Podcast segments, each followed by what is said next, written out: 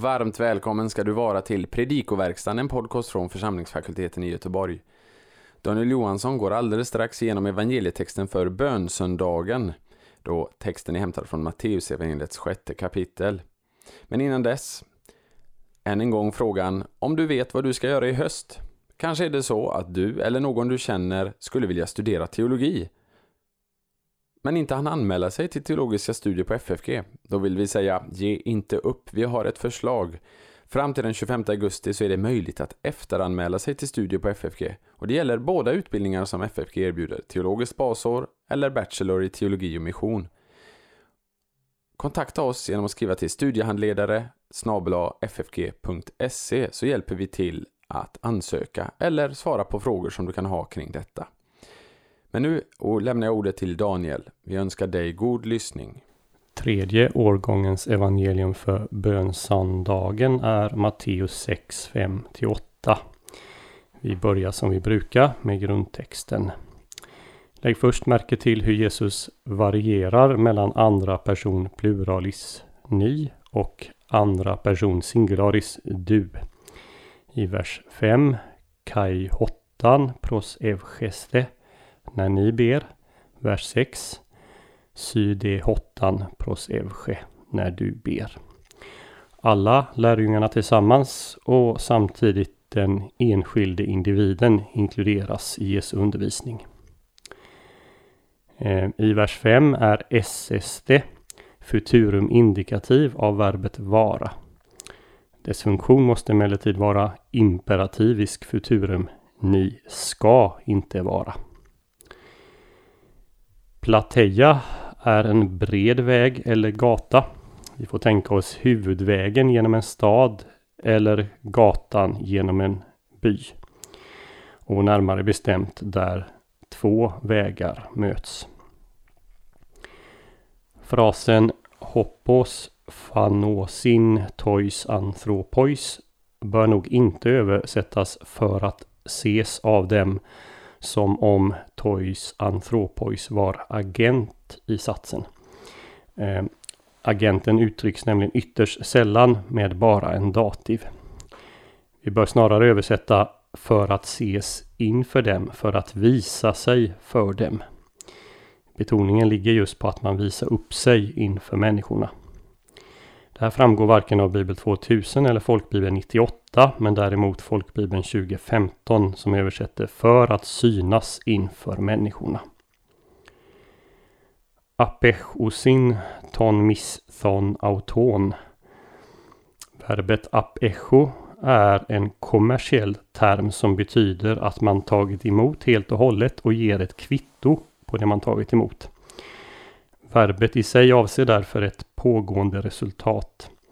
Det här är anledningen till att man brukar översätta det här verbet som ju står i presens med en perfekt.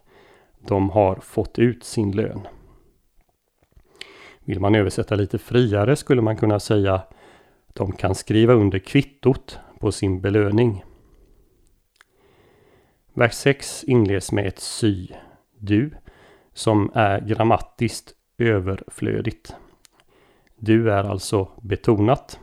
Men när du ber. Tameion är ett litet rum, närmast en garderob eller ett skafferi i ett hus som annars normalt sett bara består av ett enda stort rum. Så var det med, ljusen i, eh, med husen i Judeen och Galileen på Jesu tid. To en to krypto betyder ordagrant som i det fördolda. Det är oklart om fadern är i det fördolda eller om verbet ser ska underförstås som ser i det fördolda. De flesta tar det i den förra meningen fadern som är i det fördolda. Vers 7.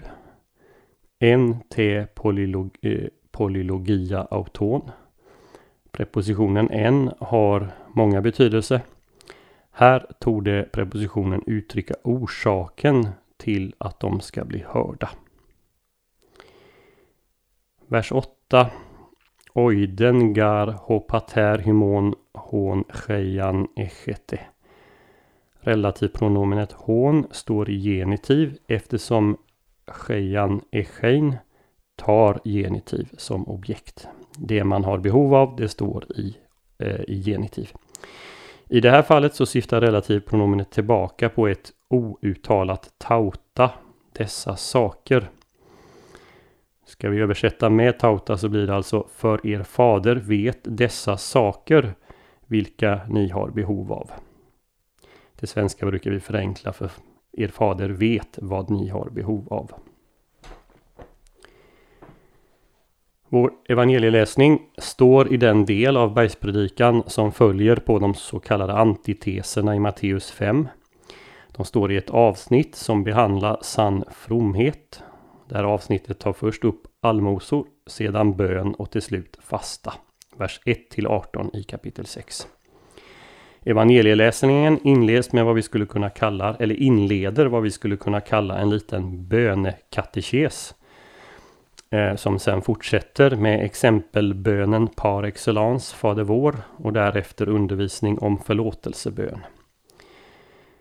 Vi skulle kunna indela det på det här sättet. Verserna 5-7 talar om rätt motiv för bön. Vers, eh, förlåt, vers 5-6 talar om rätt motiv för bön. Vers 7-8 om rätt form för bön. Medan vers 9-15 ger oss bönens innehåll. Jag fortsätter nu med att kommentera innehållet i respektive vers något. När du ber, eller när ni ber, det avser väl varje bönestund.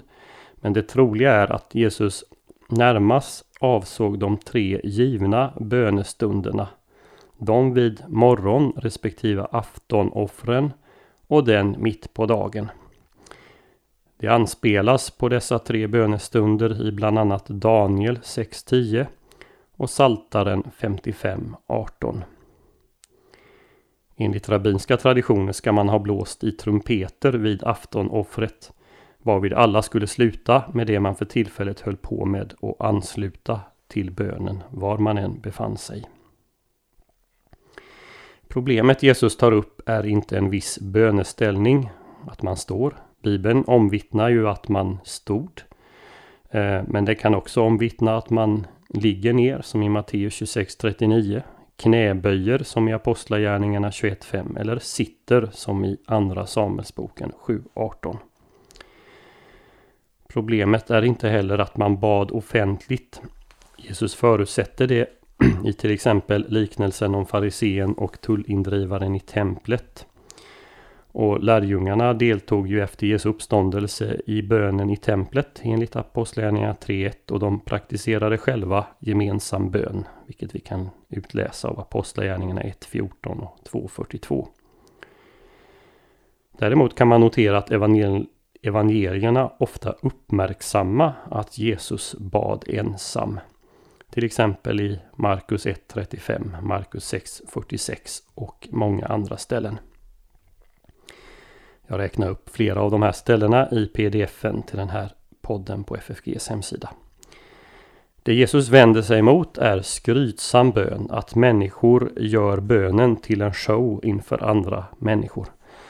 Men bön är ju per definition riktad till Gud och därför så kan bara Gud svara på den. När Jesus säger att man ska gå in i garderoben eller skafferiet och sedan låsa dörren efter sig är det naturligtvis en retorisk överdrift. Annars så skulle både tempelkult och synagogutjänst behöva överges. Poängen är att bönen är inför Gud alena och den behöver ingen mänsklig åhörarskara. Notera också att Jesus ställer upp två slags belöning. Belöning från människor kontrasteras med belöning från Gud. Om Jesus kritiserar en avart, avart av bedjande bland sitt eget folk i 5-6 så riktar han i 7-8 eh, blicken på hedningarnas bön med många och tomma ord. Det troliga är att Jesus avser den typ av böner som man återfunnit på till exempel papyrushandskrifter och amuletter. De här innehåller långa, långa upprepningar av återkommande fraser, eh, fraser, långa lister på gudar som åkallas. Kanske i förhoppning att man ska träffa rätt och att någon av alla gudar ska höra och kunna hjälpa. Man kan också på de här, i de här handskrifterna finna helt obegripliga ord som förmodligen förväntades ha magiska krafter och så vidare.